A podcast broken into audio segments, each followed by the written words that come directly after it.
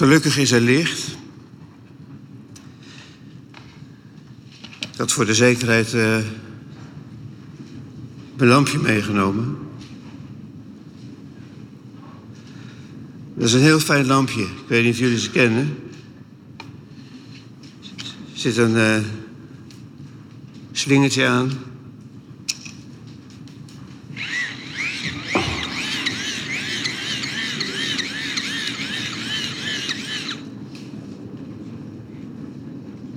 Dan doet hij weer een tijdje. Hoe heet zo'n ding? Hoe heette zo'n ding vroeger? Knijpkat. Ja, algemeen bekend. Maar tegenwoordig zijn ze uitgerust met een zonnecel. Heel handig. leg je hem in de zon, laat die op en dan kun je s'avonds, als het licht uitvalt, toch lezen. En voor mij de kleine lettertjes zijn dan zichtbaar. Ik had mijn jas meegenomen en ik dacht, ja, de verwarming kan ook nog uitvallen. Of niet aan zijn, want we zitten toch in een soort, ja, wat je mag noemen, crisis, energiecrisis. En dat is ook het thema, de energiecrisis. De energiecrisis in de kerkelijke gemeente. Ja, is daar wel een crisis? En zo ja, wat dan? Ik wil een gedeelte met u lezen uit Efeze hoofdstuk 4. En daar gaat ook het woord crisis een rol spelen. Dat zullen we zo merken. En het is een lastige tijd, want de crisis die rijgen zich als het ware aan één. Het is de een naar de andere crisis die als het ware over je heen lijkt te komen. En telkens hoor je ook, ja, dat komt door de oorlog in Oekraïne. Als de Joden het niet zijn, dan zijn het de Oekraïners wel. En dat is een stevige uitspraak, denk ik. Maar we moeten ons voorbereiden. Voorbereiden op de dingen die komen gaan. Er zijn ook zogenaamde preppers. Die prepareren zich voor het grote wat komen gaat. En al die crisis bij elkaar lijken wel te leiden naar een soort apocalyps. Een ontsluiering. Nu is het einde daar. En ik hoor het ook heel veel christenen zeggen. Het, is, het einde is bijna daar. Je merkt het aan alles. En de grootste crisis waar we dan misschien allemaal in onze portemonnee ook mee te maken hebben, is die energiecrisis. Het wordt allemaal duurder. Mensen gaan van het gas af, kopen houtkachels, leggen een open haard aan, kopen kaarsjes, zetten ze onder bloempotten. Nou, bedenk het allemaal maar. En ik lever dan met mijn kleine bijdrage ook een bijdrage aan dat grote geheel.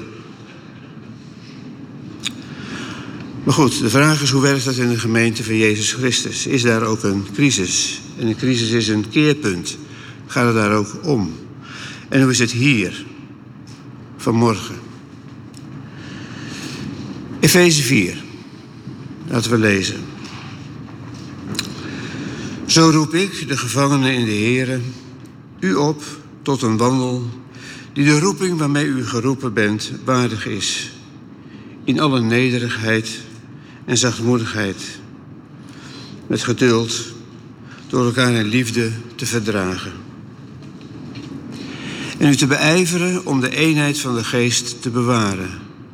Door de band van de vrede. Eén lichaam en één geest. Zoals u geroepen bent tot één hoop van uw roeping. Eén Heere, één geloof, één doop. één God en Vader van allen, die boven alle en door alle en in alle is, u alle is. Maar aan ieder van ons is de genade gegeven naar de maat van de gave van Christus.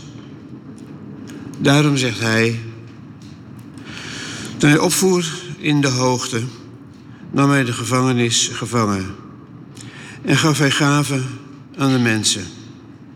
Wat betekent dit toen hij opvoer? Anders dan dat hij ook eerst is neergedaald in de diepte, namelijk de aarde. Degene die neergedaald is, is ook degene die opgevaren is, ver boven alle hemelen, om alle dingen te vervullen. En heeft sommigen gegeven als apostelen, anderen als profeten, weer anderen als evangelisten en nog weer anderen als herders en leraars. Om de heiligen toe te rusten tot het werk van dienstbetoon, tot opbouw van het lichaam van Christus. Totdat wij alle komen tot de eenheid van het geloof van de, en van de kennis van de Zoon van God. Tot een volwassen man, tot de maat van de grootte van de volheid van Christus. Opdat wij geen jonge kinderen meer zouden zijn, heen en weer geslingerd door de golven en meegesleurd door elke wind van leer, door het bedrog van de mensen om op listige wijze tot dwaling te verleiden. Maar dat wij, door ons in liefde aan de waarheid te houden, in alles toe zouden groeien naar Hem, die het hoofd is, namelijk Christus. Van Hem uit wordt het gehele lichaam samengevoegd en bijeengehouden door elke band die ondersteuning geeft, overeenkomstig de mate waarin hij ieder deel werkzaam is. Zo verkrijgt het lichaam zijn groei, tot opbouw van zichzelf in liefde.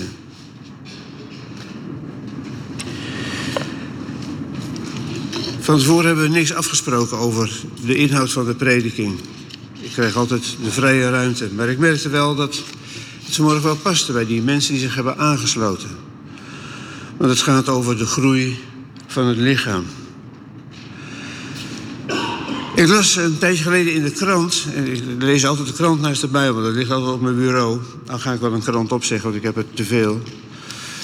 En ik hou het allemaal niet meer bij en ik wil het ook allemaal niet meer bijhouden. En soms is het ook veel te veel. Maar ik las in de krant van een paar jaar geleden, 21 februari 2019, een artikel van Ton, van de, Ton en Boom over het woord energie.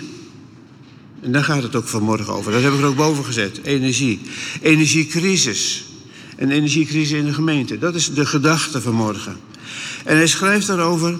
Door de allemaal groeiende aandacht voor de energietransitie, groene energie, windenergie, zonne-energie en sinds kort ook de stijgende energierekening, nemen de vragen toe over de uitspraak van het woord energie. Hoe spreek je dat uit? Een interessante vraag. Moet je dat uitspreken als energie, met de ZJ-klank van gênant? Of moet je dat uitspreken met de G van genoeg, energie? Is het nou energie of is het nou energie? Interessant om over na te denken. Van Dalen meldt beide varianten. Maar de ZJ-uitspraak, energie, is in het Nederlands het meest gewoon. Dat is ook verklaarbaar, want energie is een Frans leenwoord in onze taal. We hebben het geleend uit de Franse taal. Overigens staat de Franse herkomst niet garant ook voor een Franse uitspraak, zegt de schrijver dan van het artikel. Want het woord ingenieur, ingenieur bijvoorbeeld, hebben we eveneens uit het Frans geleend, maar er zijn nog maar weinig mensen die dat uitspreken als ingenieur. hoe, is het, hoe moet ik dat nou eigenlijk zeggen? Ik, is er een ingenieur in de zaal? Daar zit er een. Ik weet dat er nog een zit, maar die steekt zijn hand niet op. dat is mijn schoonzoon. Is er ingenieur of ingenieur? Ja, goede vraag. Ja, ja. Mensen die energie met de G van genoeg uitspreken, voeren daarvoor aan dat ze dat vroeger op school al hebben geleerd. En inderdaad rapporteert de nieuwe taalgids van 1957, nieuwe taalgids van 1957, dat op de HBS soms geleerd wordt dat energie als natuurkundig begrip met de G van goed uitgesproken wordt. Maar dat was toen ook al uitzonderlijk. En zo gaat hij nog een hele tijd door in dat artikel. En denk je, waar besteedt iemand zijn energie aan? Dat dacht ik toen ik dat las. En het artikel gaat nog even door. Het gaat ook over de etymologie. Nou, de etymologie is de afstamming van een woord. Waar komt een woord vandaan? Waar heeft het mee te maken? En waarom, wat heeft het voor zin om dat uit te zoeken? Wat schiet je ermee op? Maar ik dacht, laten we toch eens verder kijken. Energie of energie? Even los van de uitspraak. Wat betekent het eigenlijk? Wat is energie? Er staat in het woordenboek: het is het vermogen om arbeid te verrichten. Het is de kracht waardoor machines en apparaten werk doen. Energie is ook wel veerkracht. Dat is ook een mooie gedachte, veerkracht. Kracht om iets te doen, daadkracht. Energie is ook geestkracht. Ze zeggen wel eens van iemand, dat is een energiek persoon. Energiek, dat wil zeggen, hij is vol van energie. En het Nederlandse woord is terug te voeren op dat Franse woord. En dat Franse woord is terug te voeren op energie, energie, energie geestkracht. En die neemt het over uit het Latijn. En in het Latijn heet het energia. Maar dat is overgenomen uit het Grieks. En dan denk je, waar gaat het over? Ja, het Griekse woord is weer gevormd uit twee woorden en ergon. En ergon is werk. En en is in. Het is in werking. En dat is nou precies wat de Bijbel zegt. Daar gaat het over in Efeze 4, vers 16. Dat woordje werkzaam. Dat staat ook in dat vers. Het gaat dus daar over de overeenkomstig de mate waarin ieder deel werkzaam is. Het gaat om de gemeente van Jezus Christus, waar ieder een plek heeft en ieder deel heeft aan werk en energie erin steekt, werkzaam is. Daar gaat het om in de gemeente van Christus. En toen ik dat vanmorgen zo zag, die mensen die hiervoor stonden, en die hebben gezegd: Ja, daar wil ik mijn hart aan geven, daar wil ik mijn leven aan geven, aan de Heer Jezus Christus. Dan geven die hun leven aan het hoofd. Jezus Christus is het hoofd. En de gemeente van Jezus Christus wereldwijd is het lichaam. En waarom is het nou zo belangrijk? Nou, omdat de Heer het hoofd is. En omdat wij de leden zijn, het lichaam. En wij, we hebben elkaar nodig. En dat woord energie wordt ook in het Grieks gebruikt. Ook in de Bijbel. Het komt negen keer voor in het Nieuwe Testament. En wel op hele cruciale momenten. Sleutelwoorden zijn het. Sleutelplaatsen. Van belang voor de gemeente van Jezus Christus. Als er één brief is in de Bijbel, waarin in het Nieuwe Testament, waarin duidelijk wordt gemaakt wat de gemeente is en hoe het functioneert, dan is het al de brief aan de gemeente aan Efeze. De brief aan de Efeziërs zegt iets over de gemeente. En ik ga het proberen uit te leggen door te wijzen. De brief is in de eerste plaats gericht op de eer die God verdient. We zijn bij elkaar om God de glorie en de eer te geven. Niet alleen maar op zondag, maar in ons hele leven. Want gemeente ben je niet alleen maar op zondag, maar bij alle dagen. Dag en nacht. Gemeente van Jezus Christus. Gericht op God. Het eerste hoofdstuk van de Efeziërs. Het tweede hoofdstuk van de Efeziërs zegt: het is tot eenheid geroepen. Je komt van buiten en je wordt naar binnen gebracht. En je wordt geroepen tot eenheid. Je zou kunnen zeggen, de Bijbel zegt ook dat is ook in hoofdstuk 2 van Efeze. De twee heeft hij één gemaakt. Jood en heiden zijn samengevoegd in dat ene lichaam. Het derde hoofdstuk van Efeze, derde aspect, is ga uit. En wij zijn naar de deur, ga uit. Straks gaan we na de dienst niet alleen maar koffie drinken, maar we gaan ook de wereld weer in. Ga uit. Laat je licht schijnen. Laat je licht schijnen. Denk even aan mijn lampje. Laat je licht schijnen in de wereld om je heen. Laat de mensen zien wat het is om samen te zijn als broeders en zusters. Hoofdstuk 4 gaat over de opbouw van de gemeente. De opbouw van het lichaam. Maar u hebt Christus zo niet leren kennen als u hem tenminste gehoord hebt en door hem bent onderwezen, zoals de waarheid is in Christus. Het draait om Jezus Christus in de gemeente. Hoofdstuk 5 gaat ook over de opbouw van het lichaam. Wees dan navolgers van God als geliefde kinderen. Staat er in vers 1 van hoofdstuk 5. En het zesde aspect van de gemeente is hoofdstuk 6 van de brief aan de Efeziërs. Dat is gericht op het weerstaan van de duivel. Stand houden tegen alles wat die duivel je probeert in te fluisteren. En waarin je wordt meegesleurd. Zes aspecten van de brief aan de Efeziërs. En die zouden in balans moeten zijn. En als die in balans zijn, dan is het ook een gebalanceerde gemeente. En daar ligt een taak, er ligt een opdracht. Niet alleen maar voor de oudsten, maar voor heel de gemeente. Om verbonden te blijven aan dat hoofd. Als er één woord is uit het Nieuwe Testament waaruit blijkt hoe dit werkt, is het wel het woord energie. Energie. Werkkracht, zou je kunnen zeggen. Even iets over de gemeente in Efeze. De gemeente in Efeze werd gevormd in een wereldse stad. Dat was een stad die was echt van de wereld. Die was ook van het padje.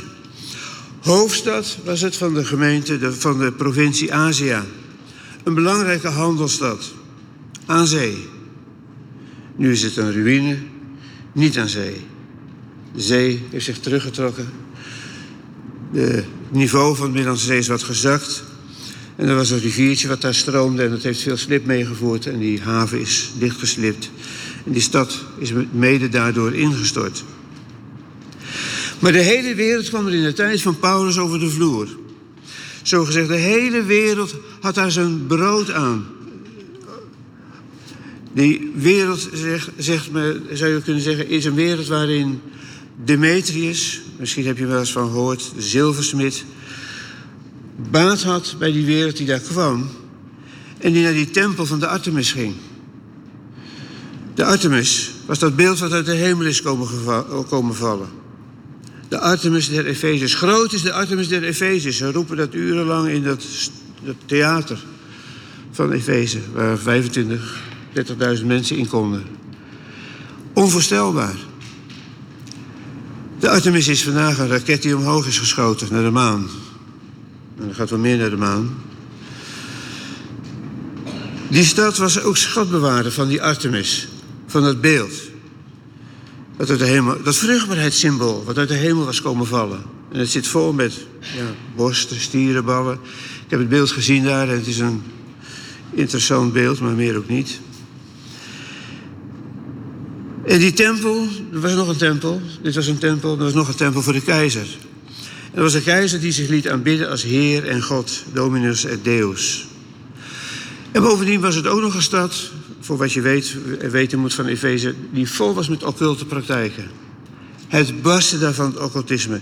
Ze hebben daar een exorcisten en, en occultisme. En ze hebben daar op een gegeven moment de toverboeken bij elkaar gebracht. staat in Handelingen 19. En hadden ze voor 150 jaar salarissen aan boeken. Ik heb ook aardig wat boeken, maar 150 jaar salarissen aan boeken. Die werden daar verbrand. Occulte boeken.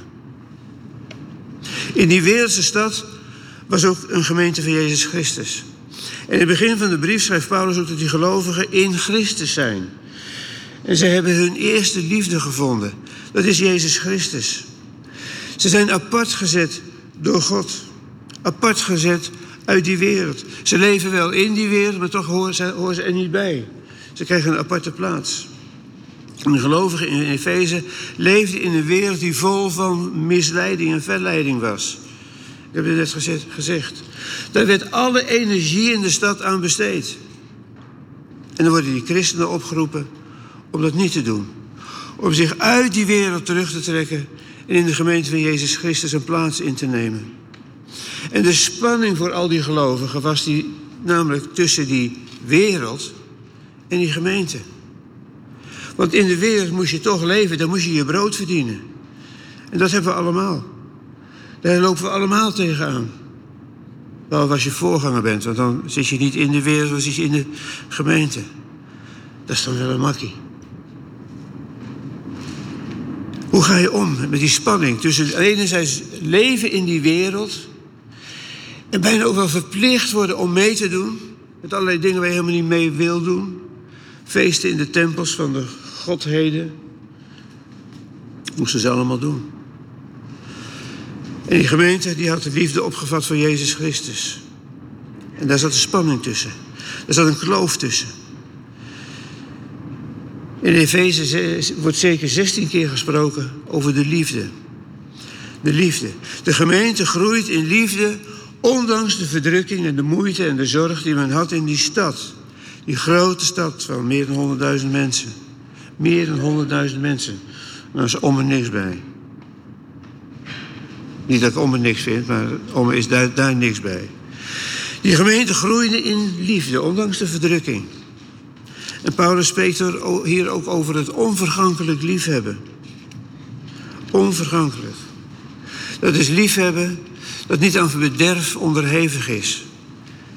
Het kan wel een tijdje leiden. In Efeze 1, vers 19 spreekt Paulus over de werking van Gods alles overtreffende kracht. Die gewrocht, gewerkt, uitgewerkt is in Christus. Dat is het woord energie. Die kracht die daar wordt gebruikt. Dat woord wat er wordt gebruikt is energie. Uitgewerkt in Christus. Toen God hem opwekte uit de dood. Dat is opstandingskracht, lieve mensen. We hebben niet zomaar te maken met een zaklampje. Of een batterij in een zaklampje. Of een zaklampje wat je moet opdraaien. Om een beetje licht te laten te schijnen. Maar het gaat hier over opstandingskracht. God heeft Jezus door zijn energie uit de dood opgewekt. Dat is goddelijke energie. Wat die alles overtreffende grootte van zijn kracht betreft, is aan hen die geloven overeenkomstig de werking van de sterkte van zijn macht. Die werking van die kracht, dat is, dat is, dat is die hij gewerkt heeft. Hij doet dat werk in ons. Dat is God die aan het werk is, zou je kunnen zeggen. Daarom wordt die kracht ook genoemd, niet alleen maar goddelijke kracht, maar dynamos. En dynamos, ja, daar hoor je het woord dynamo in, maar er zit ook het woord dynamiet in. Explosieve kracht. Die kracht is werkzaam. Die kracht is werkzaam in de gemeente. Die kracht is in jou als gelovige werkzaam die werkt ook in gelovigen. Het is de kracht waarmee Christus uit de dood is opgewekt. Het is de kracht en de energie die sterker is dan de dood. Het is de kracht die Jezus plaatst aan het hoofd van de gemeente. En alle dingen die op hem zijn gericht horen bij hem, horen bij dat lichaam, zijn dat lichaam. En ieder die, ieder die tot geloof komt, wordt als het ware met hem begraven in de dood, in de doop. Volgende week. Je wordt begraven in de dood. En wat ik altijd zo fijn vind, oudsten die dan dopen, die houden zo iemand niet tien minuten onder water. Hè? Dat is heel kort. Maar het is wel het symbool van als we je hier zouden laten, ga je ook inderdaad dood. Je gaat dood in dat water. Maar godzijdank, ze halen je ook meteen weer naar boven. En misschien is dat ook wel de drempel voor heel veel gelovigen. Ja, hoe lang duurt dat? Lang genoeg om te denken dat je ondergaat, maar opstaat in nieuwheid van leven. Opstaat met Hem. Dat is de opstandingskracht, die werkt ook in jou. Samen worden die gelovigen geplaatst in dat lichaam, terwijl Christus het hoofd is. En daar mogen zij werk verrichten, daar mogen zij energie leveren. De energie die God verleent. Pas op, ik zeg niet dat de Heilige Geest een kracht is. De Heilige Geest is een persoon. Maar hij verleent die kracht aan ons. En dan, geef, dan heb ik wat adviezen voor de gemeente. En misschien is het goed om een boekje erbij te houden. Er zijn een heleboel adviezen. Maar misschien is het nog beter om de Bijbel erbij te houden. Adviezen. Adviezen voor de gemeente van Jezus Christus.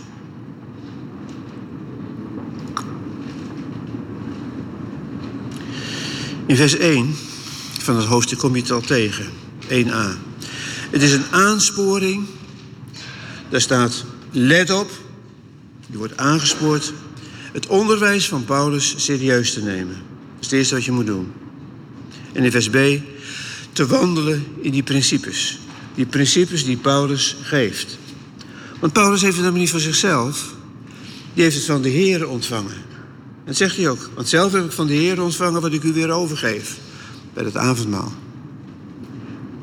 Vers 2 zegt dat het vraagt om een houding. Een houding van nederigheid. Een houding van nederigheid is een daar staat het woord tapenos. Tenminste, dat is verwant met tapijnos. En tapijnos betekent tapijt. Ik heb het hier volgens mij wel eens eerder gezegd. Tapijt. Ben je bereid om tapijt te zijn voor de ander? Ben je bereid om je als voetveeg te laten gebruiken? Ben je bereid om je over je te laten lopen? Ik wil niet zeggen in alle gevallen. Maar die nederigheid wordt bedoeld. En dat was bepaald niet gebruikelijk in die cultuur. Daar ging je, ging je af als je je nederige houding toonde. Nee, het gaat erom dat je krachtig bent en sterk bent. Maar God maakt ons duidelijk dat het in de gemeente van Jezus Christus erom gaat dat je nederig bent. En dat je zachtmoedig bent, zoals Jezus. Dat vraagt geduld. Het vraagt verdragen van elkaar in liefde. En dan kijk je rond en denk je, wie zit hier? Ik heb eens gezegd, als ik een nieuwe gemeente zou moeten starten... dan zou ik eerst een lijstje maken van wie er wel en wie er niet in mocht. Ja, die, die neiging krijg je dan als mens. Ik wil gemeente vormen, maar niet met die en niet met die en niet met die. En die mag er wel in. Die... Verdraag elkander in liefde. Want het draait om liefde. Dus niet mijn gelijk staat voorop, mijn wensen staan voorop. Nee, daar gaat het niet om. Het gaat om die ander. Wil ik die in liefde en kan ik die in liefde verdragen? Jij zegt zelfs dat je je vijanden moet liefhebben. Hoe ver moet je gaan? Is toch het uiterste. Vers 3 zegt, het gaat erom het bewaren van die eenheid. Dat is een heel belangrijk vers. Het bewaren van die eenheid. Niet het creëren van de eenheid. Wij, wij werken niet aan eenheid. Als je dat op je agenda hebt staan, heb je verkeerd op je agenda staan. Want die eenheid is er al. Die eenheid is er al doordat alles onder Christus is samengevoegd in het ene lichaam. Dat is de eenheid. En daar mogen wij die eenheid bewaren. Door de band van de vrede. En vrede is veel meer dan de afwezigheid van oorlog. Je kunt midden in de oorlog vrede hebben. Vrede met God.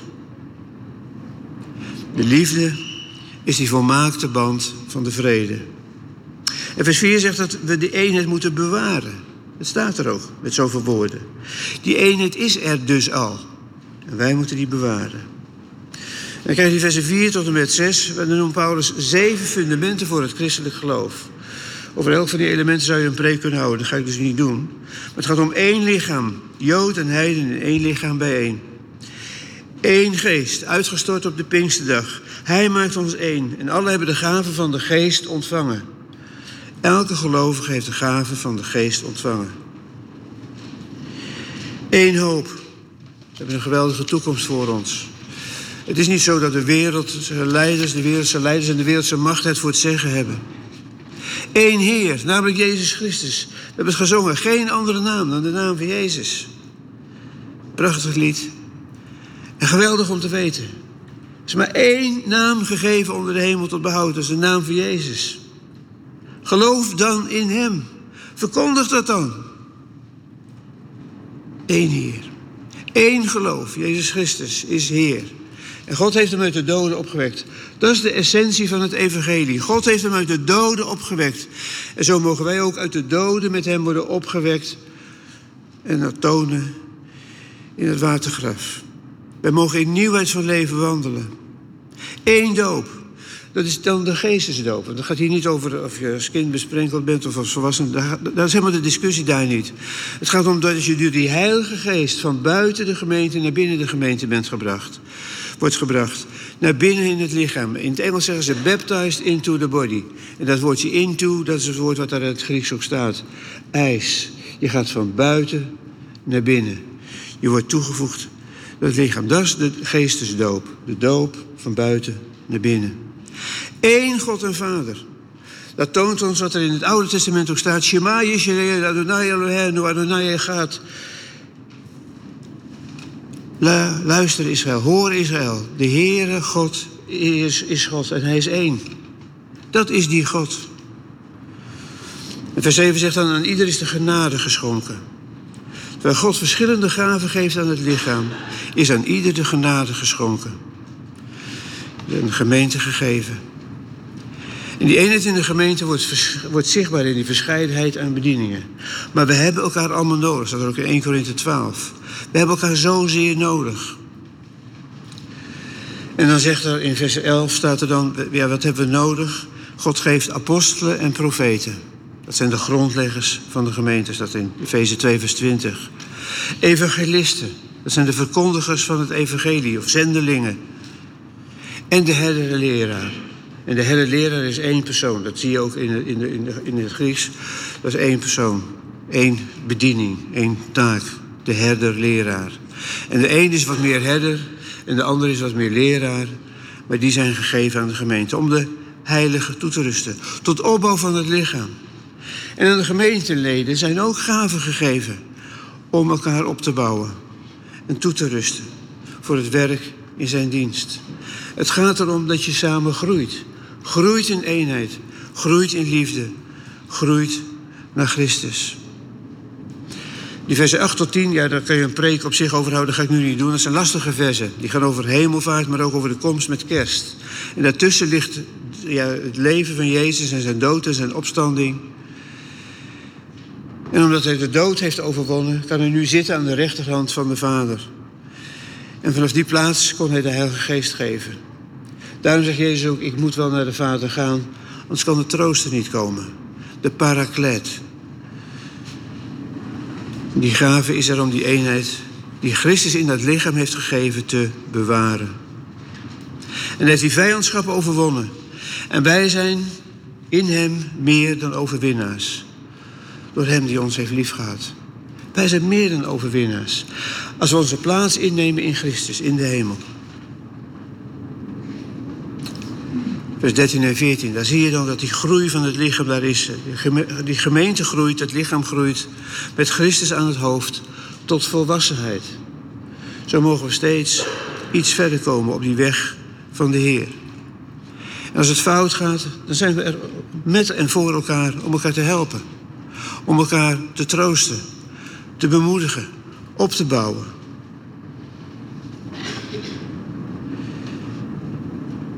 Die gemeente is daar niet meer stuurloos aan het ronddobberen op die grote wereldzee met al die crisis. Dan word je niet meer heen en weer geslingerd door al die golven. Dan waai je niet mee met elke wind van leer. Die gemeente trapt er niet in als er list en bedrog is. Want er is wel degelijk tegenstand van buiten. Er komt ook energie van buiten naar binnen. En er is soms zelfs energie in die gemeente, negatieve energie, die de zaak probeert te flessen. Die energie, daar gaat het niet over. Wij mogen de energie, de kracht van God gebruiken. Een belangrijke vraag bijvoorbeeld in deze tijd is: hoe weet je wat waar is? Ik hoor het veel mensen zeggen en ik worstel er zelf ook vaak mee. Hoe weet ik nou wat waar is? Weet je wat waar is door alle leugens in de wereld te ontmaskeren? Je blijft aan de gang, lieve mensen. Die wereld blijft vol met leugens. Het is hetzelfde als de vraag naar vals geld. Hoe ontdek je en herken je vals geld? Nou, ik denk dat de meesten het wel weten. Door het ware geld, het echte geld, te leren kennen. Als je het echte geld leert kennen, dan ontdek je vanzelf wat vals is. Door de waarheid te leren kennen vanuit het woord van God, leer de leugen onderscheiden en ontmaskeren. In vers 15 zegt dan: De gemeente houdt zich vast aan de waarheid en heeft elkaar lief. Heeft elkaar lief. Zo groeien naar het hoofd, naar Christus. En vanuit dat hoofd krijgt het lichaam, de gemeente, samenhang, steun, worden bijeengehouden door gewrichtsbanden en is het aan elkaar gegeven. Ieder draagt deel naar zijn vermogen. En dat vermogen, is die energie. Energia in het Grieks. Op eigen wijze. Op je eigen wijze, op je eigen plaats, met je eigen gaven mag je bijdragen aan de groei van het lichaam. En zo elkaar opbouwen in liefde. Het wordt veel gebruikt in het Nieuwe Testament. Het is de kracht die in ons christelijk leven werkzaam is door de Heilige Geest. Ons geloof is werkzaam door de liefde. Staat in Gelaten 5 vers 6. Die is uitgestort in onze harten. Door die geest. Dan wil ik afsluiten met een vers uit Matthäus. Matthäus 5 vers 16. Laat zo uw licht schijnen voor de mensen. Dat zij uw goede werken. Dan gaat het ook over ergo. Ergo. Ergotherapeut komt daar vandaan. Dat zij uw goede werken zien. En uw Vader die in de hemel is, verheerlijken. Laat zo uw licht schijnen. Binnen en buiten. Voor de mensen. Dat zij uw goede werken zien. En uw Vader die in de hemel is, verheerlijken. De gemeente van Jezus Christus. Ook dit onderdeeltje is er tot eer en glorie van God. Amen.